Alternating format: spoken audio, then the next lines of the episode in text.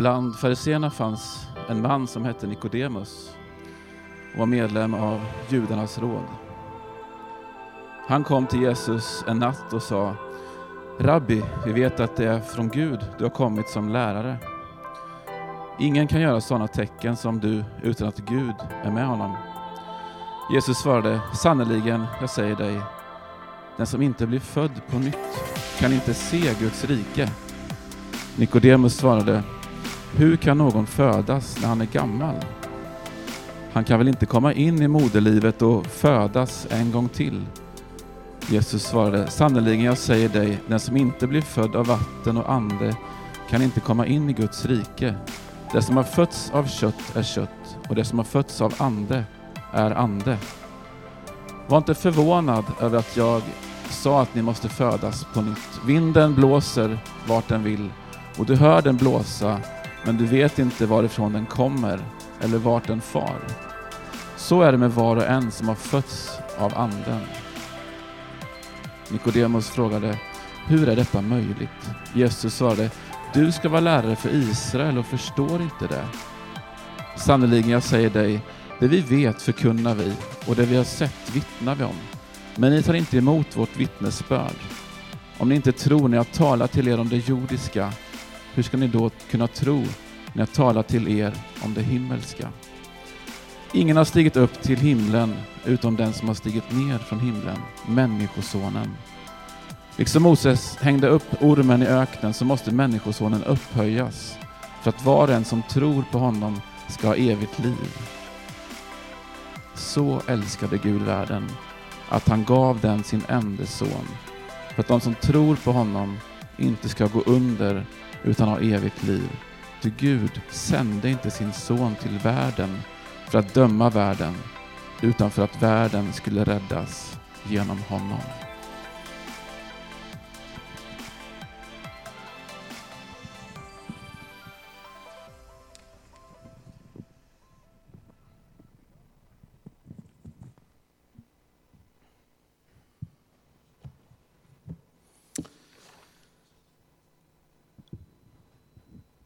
Det finns en typ av eh, tv-program som är ganska populära, eller i alla fall har varit. Jag tänker på eh, en talkshow när man helt enkelt fått se människor prata på tv, till exempel Skavlan eller Bergfeldt som det är nu. Och grejen med dem är ju att det är själva samtalet som är det viktiga där som är den säljande produkten. Det är där man ska se när några pratar med varandra. Och det här programformatet ger ju en slags närhet. Man känner att man kommer lite närmare politiker och kända människor, eh, artister, eh, kända personligheter som till exempel Lars Lerin, ett exempel. Och det är någonting i det här berättargreppet som Johannes gör här. Han väljer det för att visa vad Jesus gör när han pratar med Nikodemus. För de hamnar i ett sånt här förtroligt, nära, intimt samtal. Lite som en talkshow. Och vem är då Jesus egentligen bakom kulisserna när han inte gör under och predikar för folket? Vad är det han säger när han pratar med en av de lärda, de högst uppsatta i samhället, som heter Nikodemus? Och det tror jag vi inte glömmer nu, Nikodemos. Demos. Eh, han var medlem av judarnas råd. Vad är det för någonting som pågår i det samtalet och vad säger det till oss idag? Det ska vi titta på här. För det första kan vi konstatera att det här var någon typ av plugghäst som eh, ville veta mer. Eh, en, en lärd man som hade ägnat sitt, sitt liv åt att, att studera skrifterna och var med också då i, hade kommit så också han var med i judarnas råd. Och då har du någonting, då har du lite på fötterna. Det här var alltså inte vem som helst. Och det är lite intressant att han sökte upp Jesus på kvällen eller på natten. Det är någonting med det här. Alltså antingen var Jesus en, eller vad säger Nikodemus var en nattmänniska. Han hade kanske suttit och läst lite i, i Torah, eh, judarnas heliga skrift, och eh, Sen kanske vid 23.40 tänkte äh, jag drar över till Jesus. Eh, Så skulle det kunna vara. Men det finns naturligtvis också möjligheten att han kände att ja, men det, här, det här vill inte jag att alla ska se. Därför smyger han dit i skydd av mörkret för att slippa bli exponerad. Eh, det kanske ser lite dåligt ut att han pratar med, med Jesus, för Eh, Jesus och det stora rådet hade inte den bästa relationen. Eh, det vet vi som har läst evangelierna. Och då kommer vi till det här samtalet och då, då kan man se, fundera, hur, hur, startar man, hur öppnar man ett sånt här samtal? Eh, jag vet inte om ni har pratat med en kändis någon gång? Jag minns en gång eh, när jag gick med min bror i, i Stockholm på Kungsholmen. Jag tror, det känns som att det var en sommar. Eh, och, och, det var en ganska tom gata, trottoar. Och så står det ett fönster öppet i, på markplan, så det var liksom precis så här när vi gick där. Och då ser jag in där, så står det två personer där och renoverar köket. Och då ser jag att den ena är ju Plura. Ja, om ni vet vem Plura är, han som gillar musik och mat. Eh, Eh, eldkvarn. Och jag stannar till och vet inte riktigt, jag blir så här, jag är inte van, jag bor inte i Stockholm, där ser de väl kändisar hela tiden, det gör vi inte här i Mark. Men, eh, så jag vet inte vad jag ska säga, så då sa jag, är du Plura? För han står precis där. ja, sa han. Och då, okej, okay, sa jag. Och sen tog det stopp. Och så gick vi vidare. Min brorsa han skämdes. Ja, så var det. Eh, jag kom inte på vad jag skulle säga liksom. Jag kom inte på Men det Jesus möter här är ju en person som har liksom laddat för att prata med honom. Och eh, han vet hur han ska börja och ladda på med det här. Jesus, vi vet att det är från Gud du har kommit som lärare. Det är vad han har bestämt sig för att säga. Och han säger det då, efter, och det kanske tog emot lite eftersom han själv var med i Stora rådet och ansågs vara en lärare. Ändå säger han till Jesus att han ser honom som en, en lärare. Eh, men Stora rådet tyckte att Jesus lärde ut fel, så det kan inte ha varit helt lätt.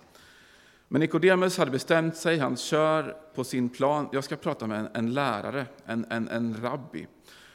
Och det här man kan säga att Jesus får, eller Nikodemus får en eh, smak på, på Jesu pedagogik. Och det ska vi kolla lite på. För när Jesus börjar då prata med Nikodemus, hur funkar det här samtalet? Eh, vad är det Jesus gör med den här högt uppsatte plugghästen? Personer med gott anseende som söker upp honom på natten och tilltalar honom som lärare. Det gjorde också den här rike mannen som sökte upp Jesus. Han sa också att han var en lärare. Så det finns någonting i det här att man såg hos Jesus att han verkligen var en viktig person som kan leda mig rätt, som kan undervisa mig. Och därför söker man upp honom som de här gör. Och det mest slående då när Jesus svarar är ju hur rakt på sak Jesus är.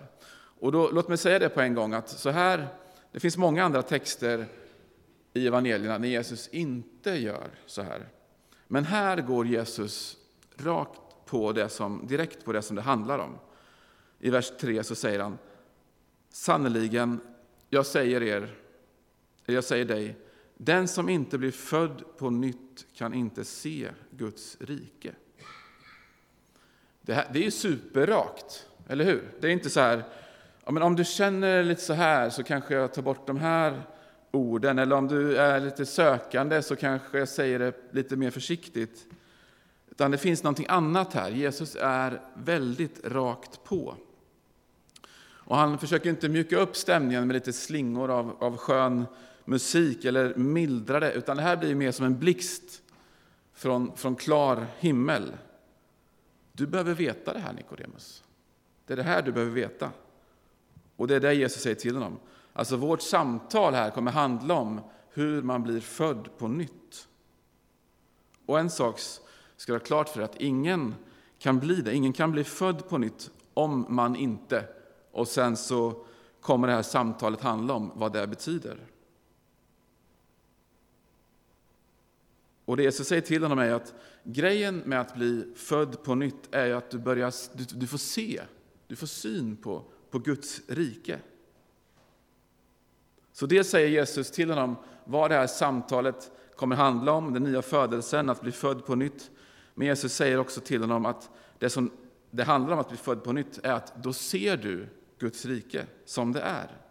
Du ser det du verkligen ska se. Alltså den nya födelsen kommer påverka din, ditt synfält, din blick. Och det här är som, ja, men som en blixt från klar himmel. Det är, en, det är en bra bild.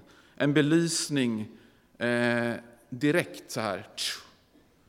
Och det här med blixt och åska kan man ju tycka lite olika om. Det kan ju vara lite läskigt.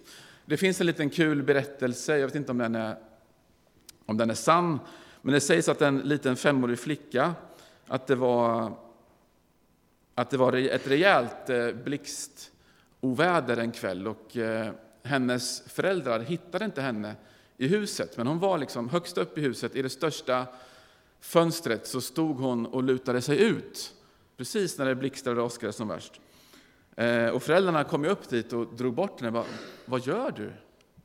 Och då säger den här lilla flickan, nej men Gud försöker ta kort på mig, så jag försöker bara få en bättre, att han ska få en bättre vinkel. Liksom. Och det är ett ganska skönt sätt att förhålla sig till, eh, till eh, blixt och, och åska. Jag tror inte att Nikodemus var lika positivt tagen på det sättet. Jag, tyckte, jag tror han tyckte att det var lite jobbigare. Han såg sig själv som en, en lärare som tyckte att han hade, han hade koll. Det borde han ha i alla fall, tyckte han. Och då blir det som att, när vi fortsätter i konversationen, som att Nikodemus får härdsmälta eller, eller hjärnsläpp. För Nikodemus, han vet ju så mycket, han, han kan allt. Han är en otroligt lärd och beläst människa. Och så säger han i vers 4, hur kan någon födas när han är gammal? Han kan väl inte komma in i moderlivet och födas en gång till? Och jag har läst det här så många gånger, jag tänker varje gång att ja, men nu är ju den här farbrorn ute och cyklar. Liksom. Eh, han tappar konceptet för en stund. Det här är liksom inte hur en lärd man ska svara. Det är så absurt när du lyssnar på det här. Jag kan inte krypa tillbaka. Ja, men någonstans är det som att Nikodemus har tappat förmågan att tänka och tala bildligt. Och det är konstigt med tanke på hur mycket i Gamla testamentet som eh, är bildligt och hur mycket som är symboler och metaforer. Men här tog det liksom tvärstopp och det tror jag det kan göra för oss också ibland. När Jesus talar om det nya riket eller nya födelsen eller vad det nu kan vara så kan det liksom slå slint på något sätt eh, för oss. Och vi kan tappa, precis som Nikodemus, tappa fattningen och tänka, måste jag bli född på nytt? Räcker inte att jag har fötts en gång? Nej, de goda nyheterna är ju att Jesus kom för att döda döden, för att livet skulle vinna. Och i det ligger att även om du är född så kan du ändå inte vara född på nytt, utan du blir född på nytt genom att tro på Jesus Kristus som gjort det möjligt att leva ett nytt liv i gemenskap med honom genom tro. Men där var ju inte Nikodemus. Eh, utan när det här började öppna upp sig för honom så tog det stopp. Och det här samtalet som han hade tänkt sig att utbyta lite erfarenheter och tankar med Jesus, kanske få lite olika perspektiv, pröva sig fram lite försiktigt, jämföra de här rabbinernas tolkningar. Allt det där var som bortblåst. Och där sitter han sent på kvällen och frågar Jesus och säger till Jesus, hur kan någon födas när man är gammal? Hm. Och du och jag behöver ställa, ställas inför samma fråga. Och är du här idag som inte är född på nytt så är det det som du behöver bli, säger Bibeln. Jesus Kristus dog och uppstod för att vi skulle få leva ett nytt liv. Och det livet börjar med att man låter sig bli född på nytt. Och det betyder inte att man har svar på alla frågor. Det är ganska skönt. Du kanske får fler frågor som Nikodemus. Men vad det betyder är att det är någonting, någonting genomgripande, någonting grundläggande händer. Något som vi måste, du måste ha klart för att det kan inte hända på något annat sätt.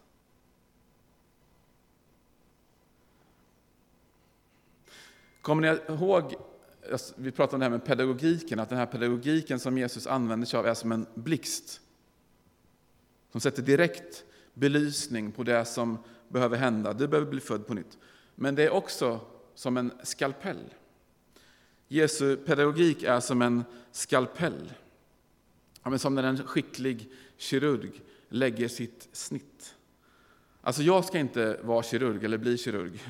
Därför att jag kan vara lite snabb ibland och, och hetsig i vissa lägen. Eh, och kanske inte har bäst eh, finmotorik. Eh, jag är inte så bra på att klippa till exempel i eh, papper, tyckte min textillärare. Ja. Nej, men du vill inte ha mig som din hjärnkirurg, kort sagt. Eh, men däremot, Jesus, han, han hade koll.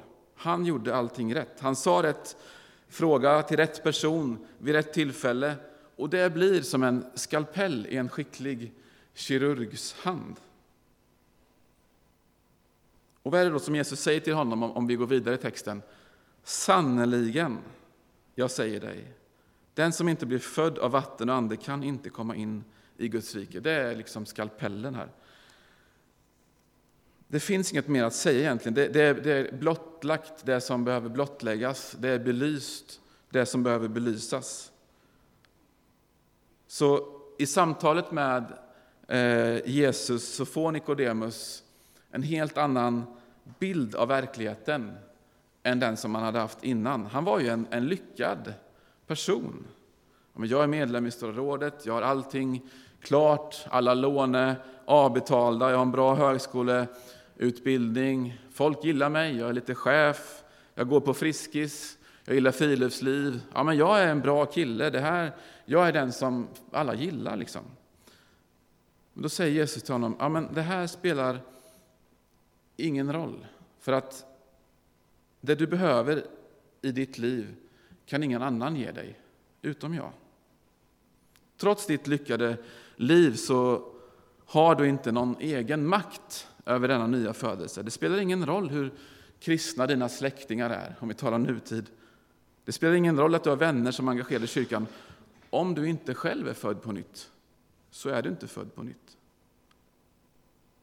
Och när en människa då beslutar sig för att ta det här steget och ta emot Jesus i sitt liv, då händer undret. Den heliga Ande kommer in med Guds liv i våra liv. Och anden är viktig här. Eh, Jesus talar om vatten och ande. Och någon har sagt att den heliga Ande är som en, en humla. Eh, och jag är inte botanist, eller jag säger allting jag inte är. Jag är kirurg, jag är inte botanist, jag är inte biolog. Men det är väl så att en humla tar frön från en blomma och så fastnar det på något sätt och så åker den till en annan blomma. Och, eh, och så befruktas den och så blir det nya blommor.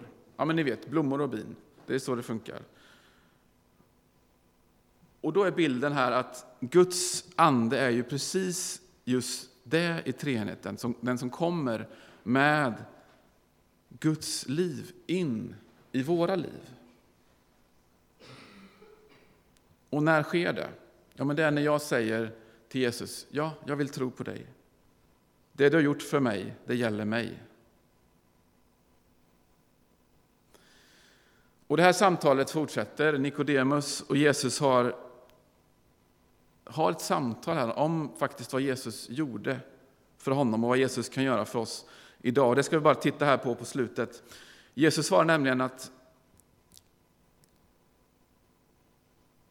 när, när han använt den här eh, pedagogiken som både påminner om en stark blixt och som eh, när han har lagt ett snitt med en skalpell så fortsätter han med att fördjupa och förklara det som han egentligen kom för att göra. Och det Jesus säger är ju att jag dör på ett kors.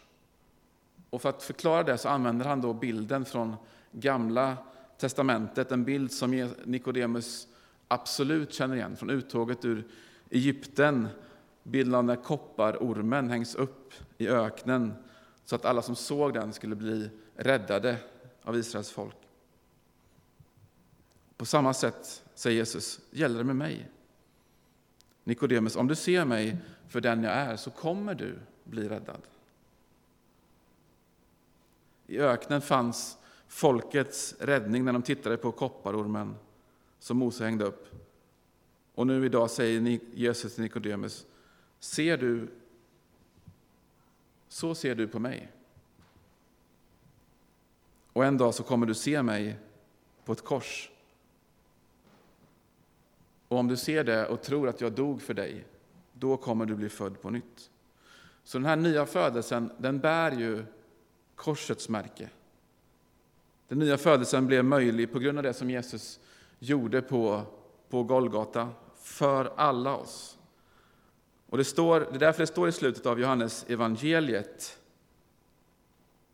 att dessa har upptecknats, alltså dessa ord har upptecknats för att ni ska tro att Jesus är Messias, Guds son och för att ni genom tro ska ha liv i hans namn.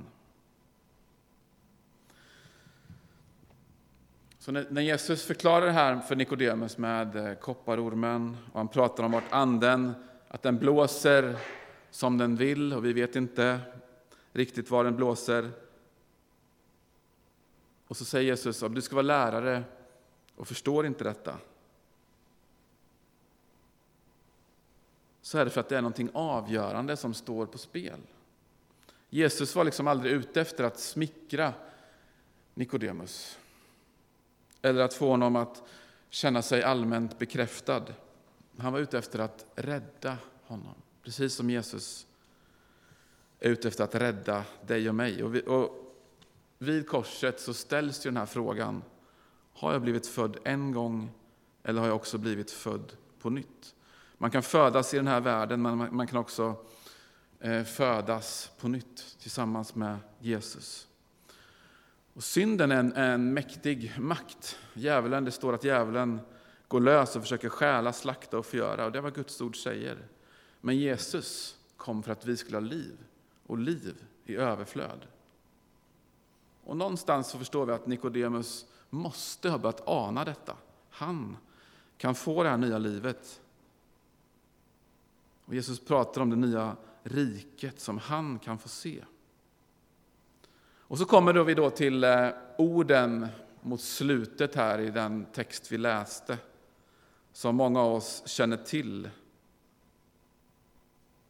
Och de finns infogade i det här samtalet, det är därför det blir så starkt på något sätt när man tar helheten. Jesus landar i att säga till Nikodemus, den här plugghästen som ville veta mer. Mannen som sökte upp Jesus sent på kvällen, som fick någon typ av järnhärdsmälta. Han fick inte riktigt ihop det i skallen. Jesus har tagit honom till den här punkten när han säger så här. Jesus, så älskade Gud världen att han gav den sin enda son. För att de som tror på honom inte ska gå under utan ha evigt liv. Ty Gud sände inte sin son till världen för att döma världen utan för att världen skulle räddas genom honom.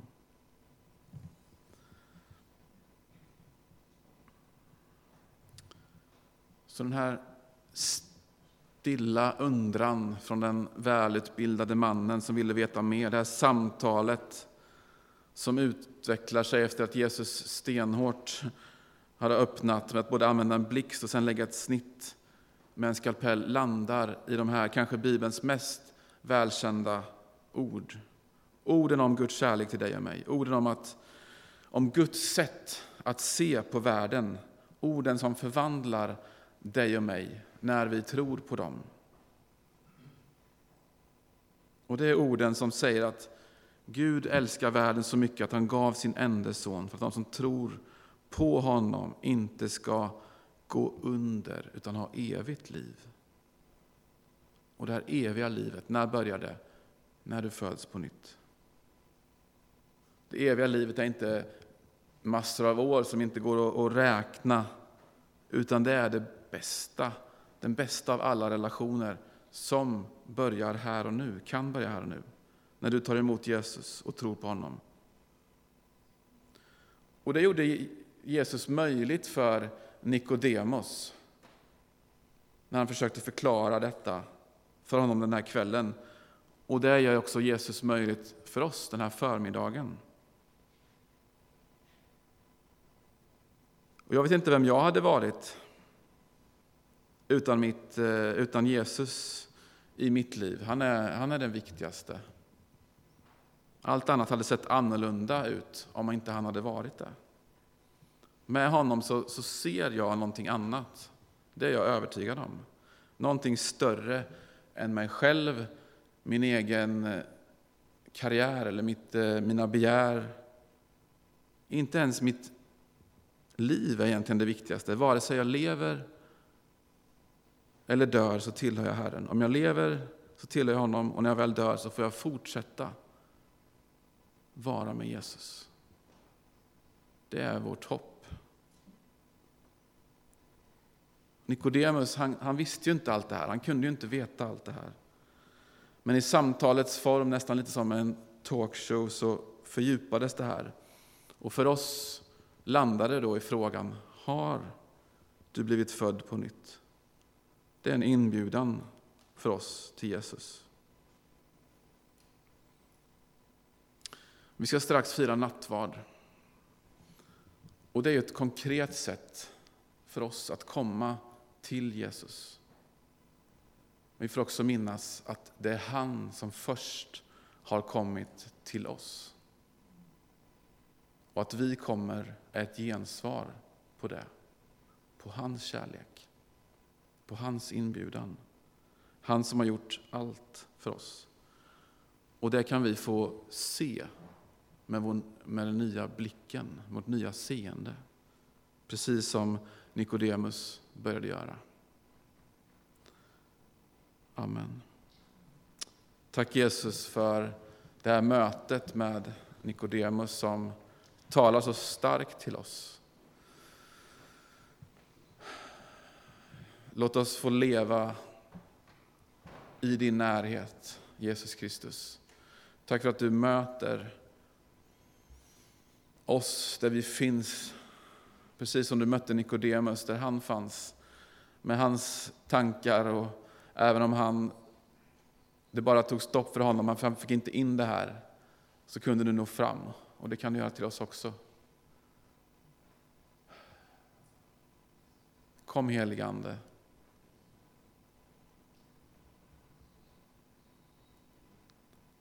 Tack för att du möter oss i nattvarden, i brödet och vinet.